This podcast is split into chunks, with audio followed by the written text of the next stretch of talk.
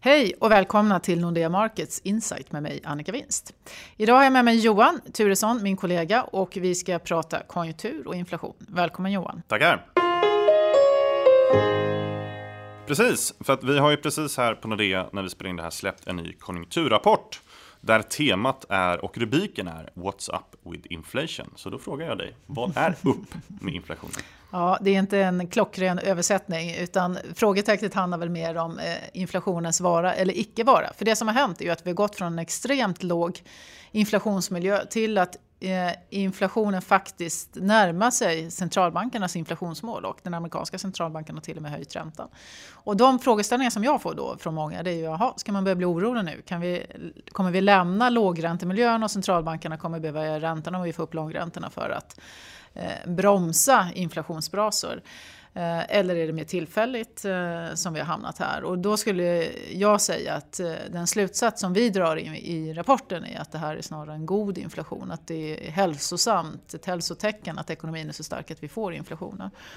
Vi har också i den här rapporten gjort temaartiklar på det här så ni som är mer intresserade kan läsa. En om de jämförelser med de nordiska länderna inflationen och en mer global om inflationen.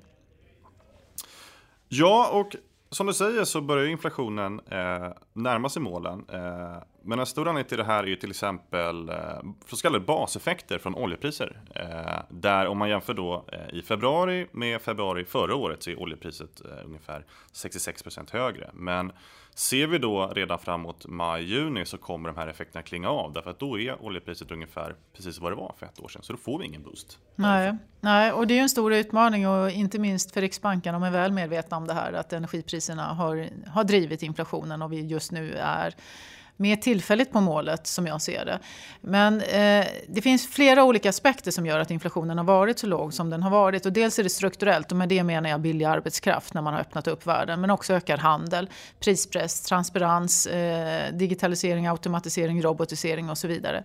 Eh, men råvarupriserna är en viktig del i inflationen och Kina sätter agendan här. De är mycket viktiga, de står för ungefär hälften av Eh, prissättning eller efterfrågan på, eh, på metaller och råvaror. Och, och, det gör att om inte de höjer priserna, ja det är svårt att skicka det här eh, vidare. Så att eh, ja, det finns ett antal utmaningar. Utöver det så ligger ju då den svaga konjunkturen som vi haft sedan finanskrisen som en, som en våt filt. Så att det, inflationstrycket är fortfarande ganska måttligt med tanke på hur stark tillväxten ändå är. Och det som lyfter är precis det du är inne på, att tillfälliga råvarupriser. För svenskt är det också kronan.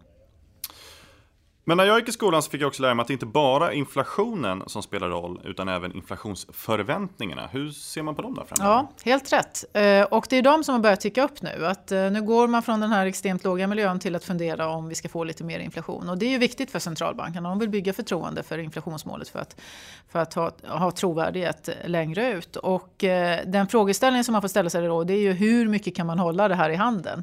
Och hur mycket kommer centralbankerna höja räntan? Och då ser vi lite skillnader mellan hur det kommer se ut i USA till exempel kontra euroområdet. Där vi i USA redan förra året såg att räntor med längre löptid stack iväg och vi fick en brantare räntekurva, alltså låga centralbanksräntor men hög, lite högre långräntor. Där är vår bedömning att Fed nu höjer så vi får en lite flackare kurva. Långräntorna stiger men inte lika mycket. I euroområdet är det precis tvärtom. Där har vi haft en väldigt flack kurva för ECB har fortsatt att stimulera samtidigt som räntor med längre löptid har varit väldigt låga. Nu tror vi att räntor med lite längre löptider stiger på grund av en bättre konjunktur men ECB fortfarande kommer föra en expansiv politik. Så där får man lite brantare kurva. Och sen hur centralbankerna väljer att backa ur det här, alltså när man är klar, det är ju den viktiga frågeställningen för marknaden. När man har stimulerat länge, hur ska man då komma ur det här? Ska man höja räntorna, eller ska man sluta köpa, eller ska man låta saker gå till förfall och så vidare. Och där har ju Draghi varit väldigt eh, otydlig med hur det här ska gå till. Vår bedömning är väl att det blir inga räntehöjningar under prognosperioden, alltså fram till 2018. Eh, men att man kommer sluta att öka eh, sina köp och den vägen tar det. Och det här får ju lite olika konsekvenser på valutorna till exempel. Ja, och det är lite synd att, att ECB inte hänger på eh, på samma sätt. För att även om det är bra att, att, eh, att Fed då höjer räntan så är det ju så att eh, eurozonen är mycket viktigare för, eh, för svensk del. Så hur, hur ser Riksbanken på det här? Hur kommer de agera nu när, när de divergerar. Mm. Det är synd för Riksbanken, men jag förstår att ECB gör som de gör. För det är stor skillnad på hur stark amerikansk ekonomi är jämfört med den europeiska. USA har växt länge, man börjar se löneinflation mer påtagligt. Det gör vi inte i Europa ännu. Men synd för Riksbanken, för det gör det motigt. Riksbanken sitter fortfarande i ECBs knä. Och om ECB stimulerar mer så finns det en risk att Riksbanken behöver stå på tå och gå ut igen. Och gör de inte det kan man ta det lite lugnare. Så att eh, det är en, en utmaning för Riksbanken. Samtidigt så är ju Riksbanken mycket medvetna om att de har använt växelkursen, försvagat den för att få upp inflationen. Förutom energipriserna som du var inne på. Och det kan man inte fortsätta med hur länge som helst. Vår prognos är att kronan ska stärkas och då importerar vi mindre inflation. Så det är en utmaning. Och på det ska man dessutom lägga att vi har en stor avtalsrörelse i Sverige under det här året där en, en, en stor andel får sina avtal redan på fredag förhoppningsvis och mycket talar för att det blir låga avtal och låg löneglidning. Totalt räknar vi med 2,5. Och då blir det väldigt svårt för Riksbanken att nå målet. Skulle det dessutom visa sig att de får treåriga avtal, vilket sannolikheten har ökat för lite de senaste dagarna, då sitter Riksbanken fast i låga löneavtal eh, i tre år. Då kommer man ha det väldigt motigt. När jag säger låga löneavtal så är det inte någon värdering av lönerna utifrån ett arbetsmarknadsperspektiv utan det är lågt för ett eh, penningpolitiskt perspektiv, det vill säga mm, inflationsperspektiv. Och alla de här rävsaxarna är också en av anledningarna till att vi eh, ändrar vad vi tror om Riksbanken. Vi tror nu att vi inte kommer ha en ränta på 0% i slutet av 2018 utan på minus 0,25. Så mm. bort med en höjning. Ja, det blir bara en höjning och den ligger i slutet av 2018 och eh, det beror väldigt mycket på låga, låga löneavtal och att man inte kan använda kronan mer. Men ska vi gå lite till konjunkturen då? För det är ändå så att vi släppte ju faktiskt en konjunkturrapport även om temat var inflation. Eh, hur ser det ut i världen? Ja, eh, världen går riktigt eh, bra eh, och det som eh, gör att det går bra det är att vi har en synkroniserad återhämtning. Det vill säga alla länder i stort sett växer samtidigt och det är väldigt sällsynt att det händer. Men det är också det som driver på och driver på svensk ekonomi och det förklarar att svensk ekonomi eh, går bra och får stimulans också till exporten då som är en viktig motor nu. Den har ju varit en besvikelse en längre tid men nu går exporten bra. Ja, och tidigare så har det varit så att det är väl delvis fortfarande också naturligtvis att det är konsumenterna som driver på svensk ekonomi. Men det är kul för att exporten kan få dra det lite tyngre lasset för en gångs mm, Ja, eh, hushållen är fortfarande där, men de eh, försiktighetssparar. Vi har det högsta sparandet på mycket länge, ända sedan 90-talskrisen. Och det är ju inte alls lika risigt för svensk ekonomi som det var då. Men hushållen har lite hängsla och livrem på sig så att konsumtionen ökar med en och en halv istället för drygt två som vi haft tidigare. Så de är fortfarande en motor, men, men de är det tillsammans med exporten.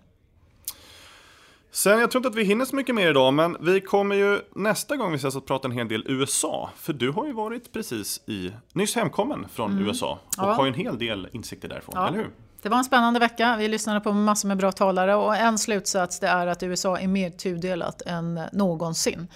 Eh, alldeles klart och tydligt är det att eh, det Republikanerna använder mot Demokraterna, det vill säga att säga nej till allt som Obama föreslog, det kommer man svara med från Demokraterna också. Det vill säga det blir väldigt svårt att få igenom något. Det är dessutom så att väldigt många i Republikanska partiet är nya, de har ingen politisk erfarenhet och de har varit vana vid att slåss. Fienden har varit Demokraterna. Nu helt plötsligt slåss man mot varandra och det gör ju också det ännu svårare. Och därför så fick man då inte, kunde man inte rösta i slutet av förra veckan om hälsoreformen som till exempel var det som de verkligen eh, kämpar emot Obama med i åtta år. Så att, ja, det finns utmaningar. Ja, det ska bli superspännande. Men mer om det om eh, två veckor. Mm. Tack ni som har lyssnat. Eh, vill ni höra mer och vill ni hitta Economic Outlook, hela rapporten med temaartiklarna, så ligger den på nexus.nordea.com. Vi hörs om två veckor.